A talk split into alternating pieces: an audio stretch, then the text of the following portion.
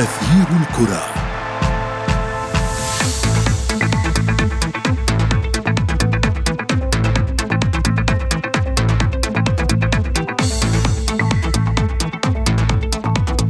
عندما بدأ الموسم توقع الجميع أنه سيكون استثنائيا استثنائيا في مبارياته ونديته لكننا لم نتوقع أنه سيكون استثنائيا على كبار القارة الأوروبية.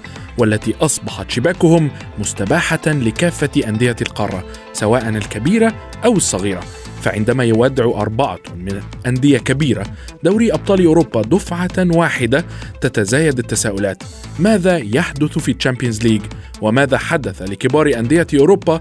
وهل أصبحت بطولة الدوري الأوروبي أكثر إثارة من الأعوام السابقة وأسئلة كثيرة أخرى نجيب عليها ونحللها في حلقة اليوم من أثير الكرة. معي أنا محمد عبد السلام ولكن دعونا أولا نبدأ من العناوين. كبار القارة العجوز ينقسمون بين الشامبيونز ليج واليوروبا ليج.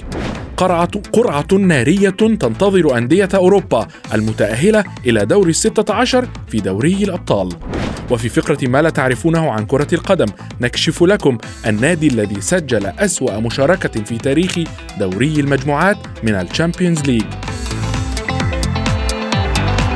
أثير الكرة.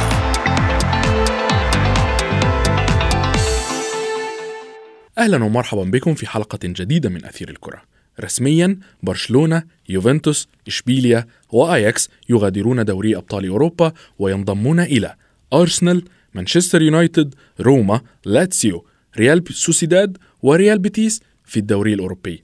وهذا اذا إذا أشار يشير إلى أن اليوروبا ليج ستكون مشتعلة وأن كبار أوروبا فعلا ضربهم الخلل الذي أوصلهم إلى هذا الحال.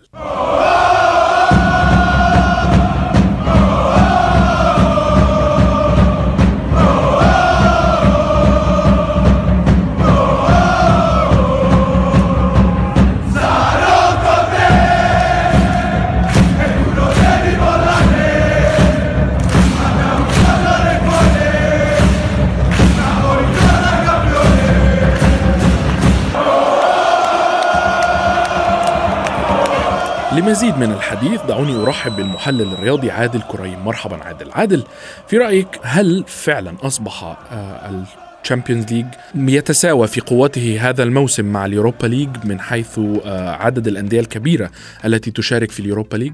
أهلا بك يا محمد. آه، يعني أكيد هيفضل برضه الشامبيونز ليج رونقه وقيمته الأكبر بكل تأكيد واهتمام الجماهير الأكبر دي.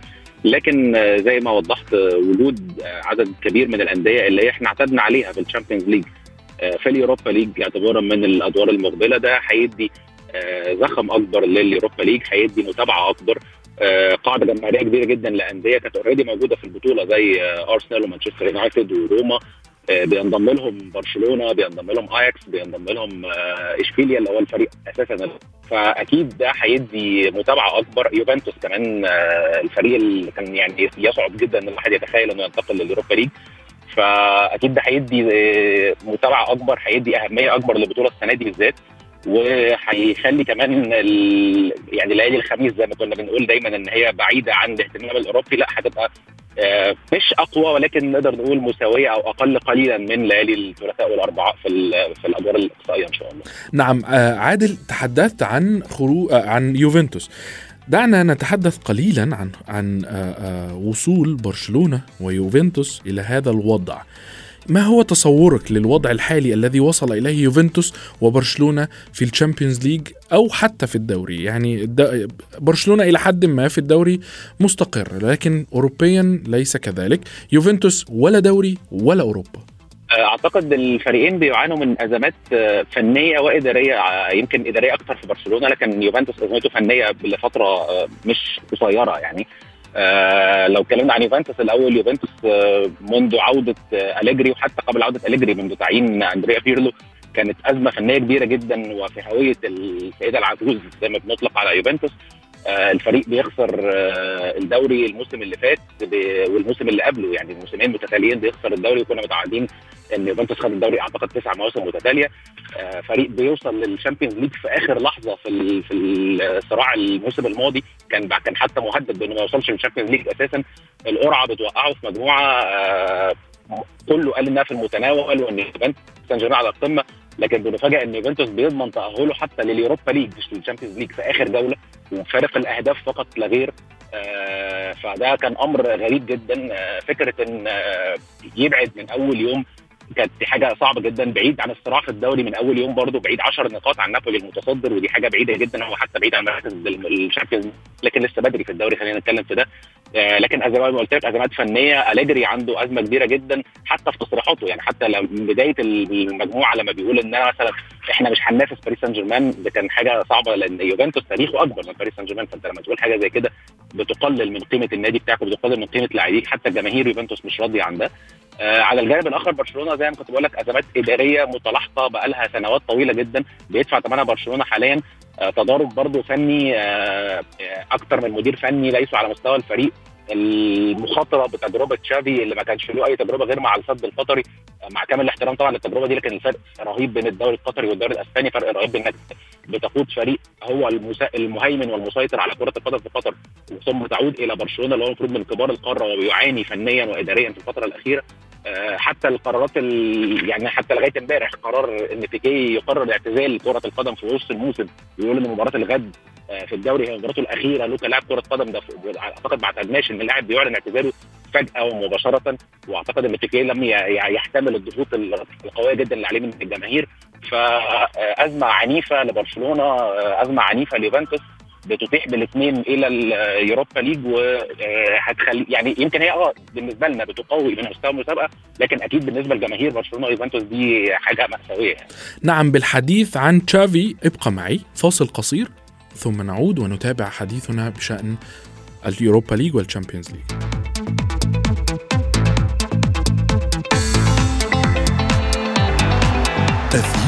تغيير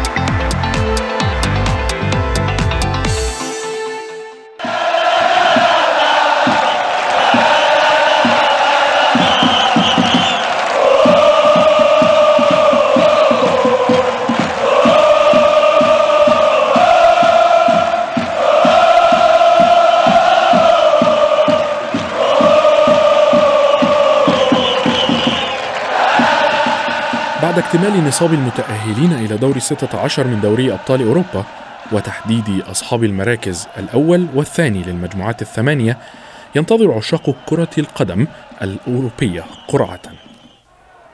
ومباريات نارية متوقعة لدور الستة عشر. أجدد الترحيب بالمحلل الرياضي عادل كريم. عادل دعنا نستكمل حديثنا بشأن تشافي. آه، تشافي هناك حديث على أن آه، الإدارة في برشلونة تخطط للتعاقد مع أرتيتا. أرتيتا نشاهد أنه آه، بالفعل قدم أداء رائع حتى الآن مع أرسنال في في البريمير ليج. هل تعتقد أنه بالفعل إذا ما قام برشلونة بهذه الخطوة وإذا تمت مع صعوبتها إذا تمت هل تعتقد أن أرتيتا هو مفتاح الحل فنيا لبرشلونة؟ آه هو الموضوع ينقسم لجزئين. الجزء الأول تشافي. تشافي آه برشلونة راهن على آه تجربة جوارديولا 2009 رجل يتمتع بدي ان اي برشلونة زي ما كان بيطلق عليه. رجل خرج من اللمسيه إلى الفريق الأول. ينتمي إلى كاتالونيا ينتمي للنادي بشكل كبير جدا يعرف كل شيء عن النادي. آه لكن الفارق كان إن جوارديولا كان آه في وقت مختلف كان معاه عناصر مختلفة. جوارديولا كان معاه الفريق الذهبي في تاريخ برشلونة. آه وجوارديولا نفسه فرض فكره بشكل كبير جدا. آه بدايته كمان كانت من فريق برشلونة الرديف فقدر إن هو يتعرف على كل شيء عن الفريق وساعدته الأمور وساعده اللاعبين في الوقت ده إنه يتسيد القارة الأوروبية تماما في فتره ثلاث مواسم اللي تواجد فيهم في نادي برشلونة. آه تشافي الموضوع مختلف. آه أكيد يعني الحكم على تجربته هيكون صعب شوية لأن الموضوع جه في وقت صعب لبرشلونة في وقت كان الفريق فيه بيعاني. أنا الموسم الماضي بشكل يعتبر جيد إلى حد ما لكن لم يحقق برضه شيء وده آه وضع عليه كثير من الضغوط خاصة مع استخدام الفريق لعدد كبير جدا من الصفقات هذا الموسم. لكن آه حتى هذه اللحظة يمكن زي ما قلت في الدوري ماشيين بشكل معقول فارق نقطة وحيدة عن ريال مدريد في الصدارة رغم خسارة الكلاسيكو. آه لكن الخروج الأوروبي بالشكل ده إدى علامات استفهام كتير جدا. أرتيتا على النقيض تجربة آه خدت آه الزخم بتاعها تدريجيا. آه أرتيتا ما, اتحطش زي ما بنقول في مصر من الدار للنار يعني. لا هو خد الموضوع تدريجي جدا. آه مع أرسنال كمان ما اتحطش عليه ضغوط إن هو من أول يوم لازم تعمل نتائج. لا إحنا بنتكلم إن إحنا في الموسم الثالث أو الرابع لأرتيتا بدأت الثمار آه تبدو. آه، أعتقد خيار أرتيتا قد يكون خيار مناسب لبرشلونة لكن الفكرة هتكون في التعامل معاه. الفكرة هتكون هل آه، هتعمل زي أرسنال؟ هتسيبه؟ هتديله كل العناصر اللي هو عايزها وهتسيبه يشتغل لفترة طويلة جدا ولا إدارة برشلونة مش هتسمح بالكلام ده؟ فخيار أرتيتا كاسم أو خيار ممتاز لكن هل الظروف هتسمح بده؟ ده اللي هتجيب عنه بقى الأيام إذا كان آه، رأي إدارة برشلونة واستخدام أرتيتا. نعم عادل نخرج قليلا من الموضوع. ما, ما يعني في رأيك لماذا نجح أرتيتا حتى الآن مع أرسنال؟ آه أرتيتا أساسا فكره التدريبي مميز جدا. عمله مع جوارديولا لفترة طويلة آه أفاده بشكل كبير جدا. هو هو هو كانت يعني مصلحة متبادلة ما بين الثنائي كان منفعة متبادلة بين الثنائي. آه هو آه عنده فكره التدريبي اللي, اللي فرضه على أرسنال من أول يوم. آه الصبر إدارة أرسنال عليه آه وال يعني إن هي استخدمت له كل العناصر اللي هو طلبها حطت له كل ال ال حتى مش يعني مش في الملعب بس النظام الكامل للفريق النظام الإحصائي النظام التقني تجميع ال data كل الحاجات اللي هو طلبها بدأت واحدة واحدة بدأ إن هو يعتمد على وجوه زي اوديجارد مثلا اللي هو خلاه قائد الفريق وفي وسط استغراب ناس كتير جدا إزاي ده يبقى قائد الفريق لكن هو عارف هو بيعمل إيه. إعادته للعيبة زي تشاكا وزي محمد النني للحياة مرة أخرى بعد ما الكل كان متوقع إن هم هيخرجوا من الفريق. أعتقد تجربة محترمة جدا. الصبر عليها برضو والإيمان بيها. يمكن بصورة مشابهة إلى حد ما لما لما قامت به إدارة ليفربول مع يورجن كلوب اللي صبر عليه مده أربع مواسم لغاية ما حقق أول لقب ليه. فأعتقد ده دي عوامل نجاح أرتيتا وأعتقد إن النجاح ده لسه هيستمر كمان في المواسم اللي جاية. نعم. عادل دعنا نرحب بالصحفي الرياضي يوسف الشاطر الذي ينضم إلينا الآن. مرحبا يوسف. يوسف يعني دعنا سريعا اولا نتحدث عن القرعة المرتقبة يوم الاثنين. دعنا نتحدث في شأن اليوروبا ليج اولا. أيندهوفن روما مانشستر يونايتد موناكو يمكن أن يواجهون آياكس برشلونة إشبيليا أو يوفنتوس. هل أصبحت يوروبا ليج هذا الموث هذا الموسم أكثر إثارة؟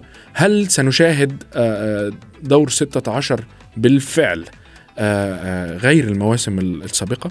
طبعا محمد مرحبا في البداية. بكل تأكيد الأسماء والفرق التي نزلت إلى الدوري الأوروبي بالإضافة إلى الأسماء المتواجدة سلفا في مسابقة اليوروبا ليج هذا الموسم. تضعنا أمام بطولة صعبة وأمام أدوار نارية. بطبيعة الحال ننتظر القرعة التي ستسفر أكيد عن مباريات كبيرة. تصريح جوزيه مورينيو الذي لعب مباراة صعبة بالأمس أمام لودوغوريتس عندما قال الاسماك القرش التي ستنزل إلينا غاضبة.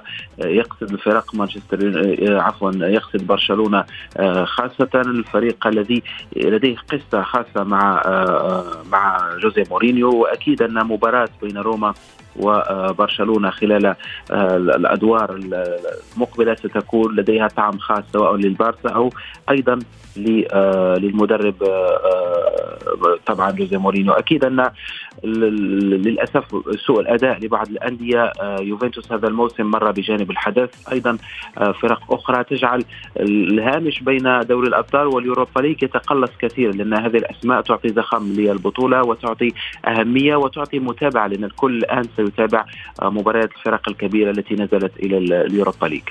نعم يوسف يعني ما هي توقعاتك خلال دور 16 لليوروبا ليج؟ هل هل فعلا يمكن أن نشاهد فريقين كبيرين مثل مانشستر يونايتد وبرشلونة يواجهون بعضهم البعض في هذا الدور؟ طبعا كل شيء متوقع محمد برشلونة كما تفضلتم في البداية دوري الأبطال الأمور كانت صعبة عليه لعدة عوامل سيلعب الآن في اليوروبا ليج. القرعة لم تكن رحيمة به خلال مسابقة دوري الأبطال. ينزل مع الرغبة في محو الصورة السيئة لكنه قد يفاجأ بسحب قرعة صعب خلال مسابقة اليوروبا ليج. ويجد نفسه مرة أخرى أمام هامش ضيق ربما للمناورة خاصة تشافي يعاني في هذه الفترة. وخبر خبر اعتزال بيكي يضيف ثقل آخر على النادي. أكيد أننا قد نشاهد مباريات كبيرة في دور الأبطال. هناك أيضا أندية صغيرة مثلا نانت الفرنسي الذي آه، قدم مستوى آه، جيد جدا هذا الموسم في اليوروبا ليج.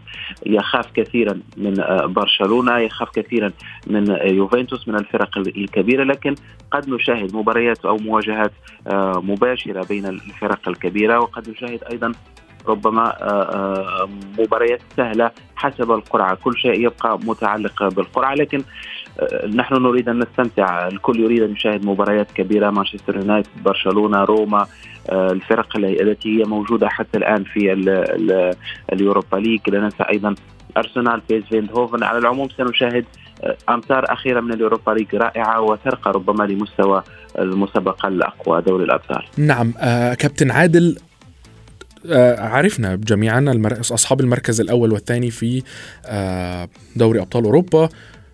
دور 16 قرعة دوري 16 بالتأكيد ستسفر عن مواجهات قوية. لكن دعنا نتحدث عن ليفربول. ليفربول آآ آآ ثاني المجموعة الأولى. من المتوقع وخلال القرعة أن يواجه إما بايرن ميونخ أو توتنهام أو تشيلسي أو ريال مدريد أو مانشستر سيتي أو باريس سان جيرمان. أسماء كبيرة. ليفربول أوروبا ليس بالتأكيد هو ليفربول الدوري. لماذا في رأيك ليفربول أوروبا ليس هو ليفربول الدوري الإنجليزي؟ هو توضيح بس الأول إن القرعة دور 16 بتجنب الأندية من نفس الدولة فليفربول لن يواجه تشيلسي أو مانشستر سيتي أو توتنهام. نعم. هو ليفربول امامه أربع خيارات فقط لا غير بورتو أو بنفيكا أو آه ريال مدريد أو باريس سان جيرمان. نعم. آه sorry ريال مدريد أو بايرن ميونخ. نعم. تمام؟ فهي آه برضه تظل قرعه صعبة لأن فرصة إنك تواجه ريال مدريد أو بايرن ميونخ 50% تقريبا ففرصة صعبة جدا. آه ليفربول بيعاني في الدوري آه بالأكثر من سبب آه الإصابات الكتير جدا اللي تعرض لها الفريق في بداية الموسم. آه دي أثرت بشكل كبير جدا لدرجة إنها أجبرت يورجن كلوب على تغيير طريقة اللعب اللي هو بيلعب بيها من أكثر من 20 سنة من ساعة ما بدأ التدريب. آه يحاول يعني تفادي الغيابات الكتير جدا اللي كانت عنده في الملعب. آه والغريب إن هو بيحقق نتائج مميزة جدا مع الفرق الكبيرة زي ما قدر يكسب نيوكاسل الهزيمة الوحيدة لنيوكاسل الموسم كانت على إيد ليفربول الهزيمة الوحيدة لمانشستر سيتي متصدر أو حامل اللقب كانت على إيد ليفربول الهزيمة الوحيدة لنابولي في الموسم في دوري الأبطال كانت على إيد ليفربول فهو بيقدم مباريات قوية جدا مع آه في المواجهات الصعبة لكنه بيسقط في المقابل أمام متذيل الترتيب نوتنغهام فورست بيسقط أمام ليدز في ملعبه. فدي علامة استفهام ولغز كبير جدا على أداء ليفربول. لكن آه زي ما قلت لك في عديد من العوامل الإصابات الكتير عدم وجود فترة إعداد بالشكل المفهوم للفريق خاصة بعد ما هو الموسم اللي فات لعب العدد الأقصى من المباريات ووصل لكل النهائيات المتاحة آه في كل المسابقات في كل في الكأسين المحليتين وفي دوري أبطال أوروبا. فريق لعب أكثر من 63 مباراة ونفس اللاعبين تقريبا اللي بيعتمد عليهم كلوب بشكل أساسي هم هم اللي لعبوا كل العدد من المباريات. ده أثر بشكل كبير جدا على بداية الموسم للفريق. لكن أعتقد ليفربول بي بيسعى إن هو يعني يعدي الأسبوعين اللي جايين دول لغاية توقف كأس العالم. بعد العودة من كأس العالم وزي ما كلوب نفسه كان بيقول ده موسم جديد تماما.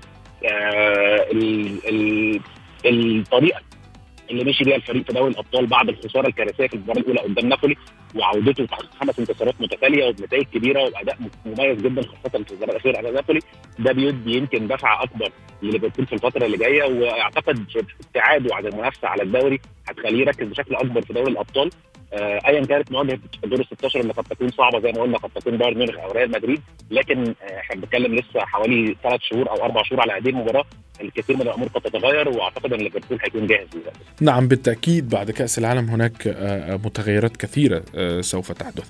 آه يوسف آه يعني ننتظر مباريات قوية وكبيرة جدا في دور ال 16 هل سنشاهد خروج كبار آخرين خلال الدور القادم؟ هل تعتقد أننا قد نشاهد نهائي؟ يمكن أن يكون بين نابولي وفريق صغير آخر.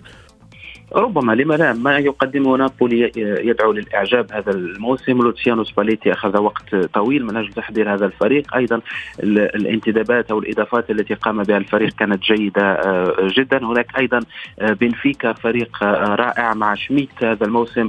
النادي لم يخسر حتى الآن. تصدر مجموعة فيها باريس سان جيرمان وفيها يوفنتوس وهذا أمر ليس بالسهل. فريق فيه مواهب كثيرة موجود أيضا فريق بورتو ما زال في السباق. هناك فرق التي عادة ما تنافس لكن محمد عند دخول دور دور خروج المغلوب تستفيق الفرق الكبيرة. ريال مدريد لا يمزح كثيرا. أيضا ليفربول لديه العقلية وشكل هذا الفريق من أجل منافسات دوري الأبطال. لأن نعرف مساره مع يورجن كلوب فاز بالبطولة في مناسبة ولعب نهائي مرتين. هناك أيضا نادي بايرن ميونخ الفريق القوي المرشح الأول للتتويج.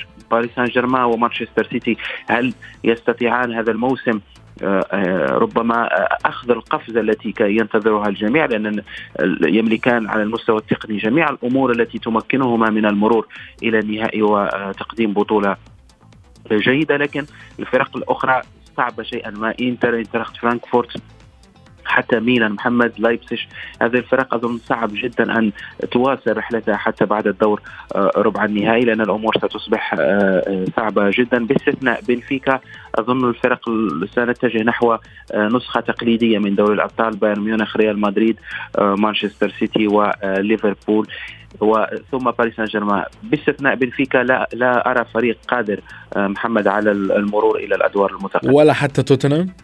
ولا حتى توتنهام. توتنهام مر بصعوبة جدا. أنا تابعت جزء من آه، مباراة أمام آه، مارسيليا. عانى كثيرا في الثلاثين دقيقة الأخيرة. محمد وكان قريب جدا أن يخرج من المسابقة. أنطونيو كونتي يصرح كل أسبوع أنه يريد آه، أن يجلب لاعبين سوق انتدابات جيدة.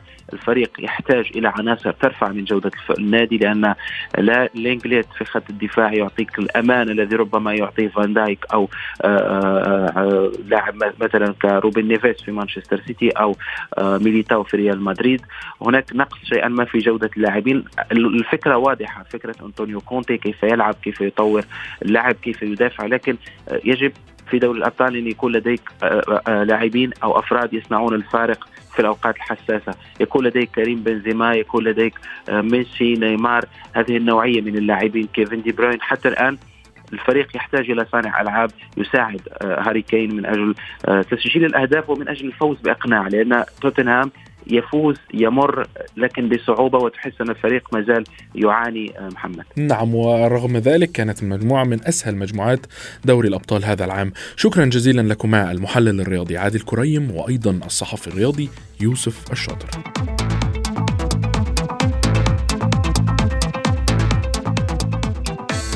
في فقرة ما لا تعرفونه عن كرة القدم نكشف لكم فريقا حطم هذا الموسم الرقم القياسي السلبي لأسوأ مشاركة في تاريخ دوري أبطال أوروبا.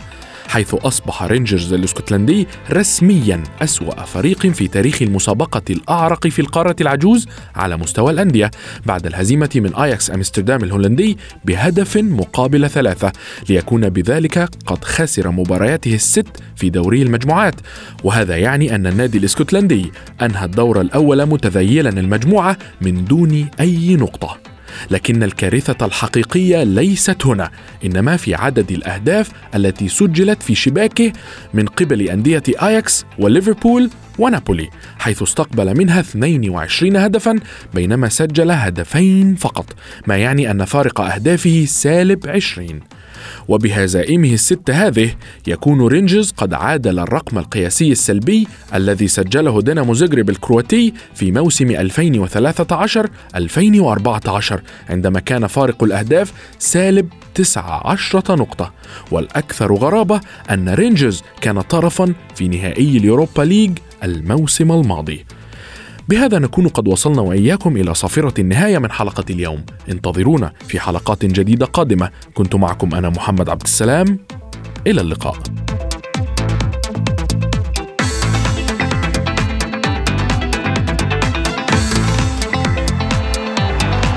أثير الكرة.